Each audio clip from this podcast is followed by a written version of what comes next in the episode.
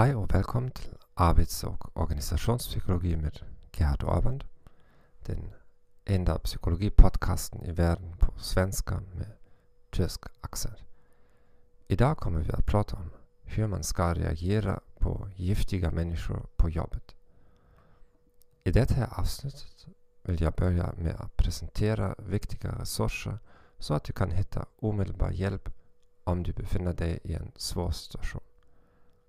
Jag kommer att fortsätta med mer detaljerad information endast i nästa avsnitt. Troligtvis har du människor runt dig som gör dig galen, som alltid attackerar dig eller som du känner dig obekväm med. Det kan vara din chef eller en kollega, men också en familjemedlem. Alla resurser jag rekommenderar är på engelska jag hoppas ändå att du kommer att kunna förstå dem. Förmodligen finns några av de rekommenderade böckerna också tillgängliga på andra språk. Du hittar alla boktitlar och länkar på webbsidan för min podcast. Jag rekommenderar starkt podcasten Save Your Sanity av Roberta Shaler med mer än 150 avsnitt om att hantera giftiga människor. Finns så många böcker tillgängliga och det är svårt att hitta de väsentliga. Särskilt med all den bra reklamen för de mindre väsentliga.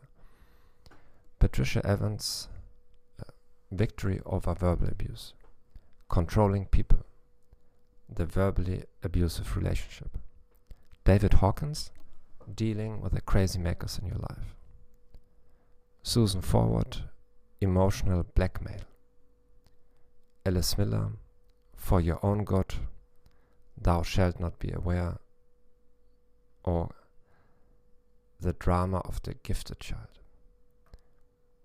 I nästa avsnitt kommer vi att prata om konkreta insikter om giftiga människor och verbala övergrepp på jobbet. Jag vill bara ge dig en insikt som jag aldrig hade tänkt på tidigare. En typ av verbalt missbruk är när någon definierar dig. Det vill säga, den andra personen märker din personlighet eller humör utan att fråga dig först. Till exempel, som en hälsning insisterar den andra personen på att du ska le mer. Var gladare. Den andra personen låtsas känna dig bättre och veta bättre hur du ska bete dig.